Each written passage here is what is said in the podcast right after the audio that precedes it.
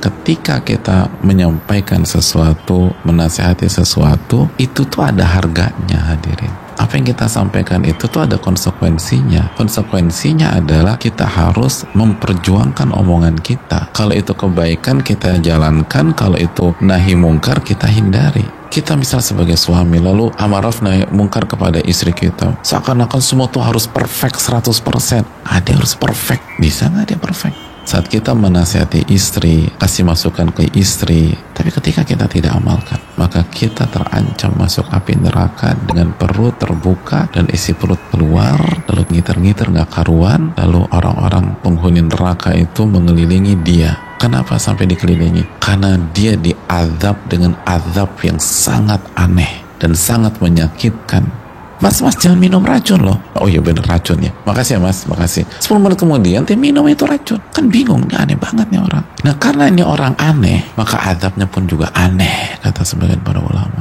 Dibuka kedoknya, dihinakan sama Allah Subhanahu Wa Taala.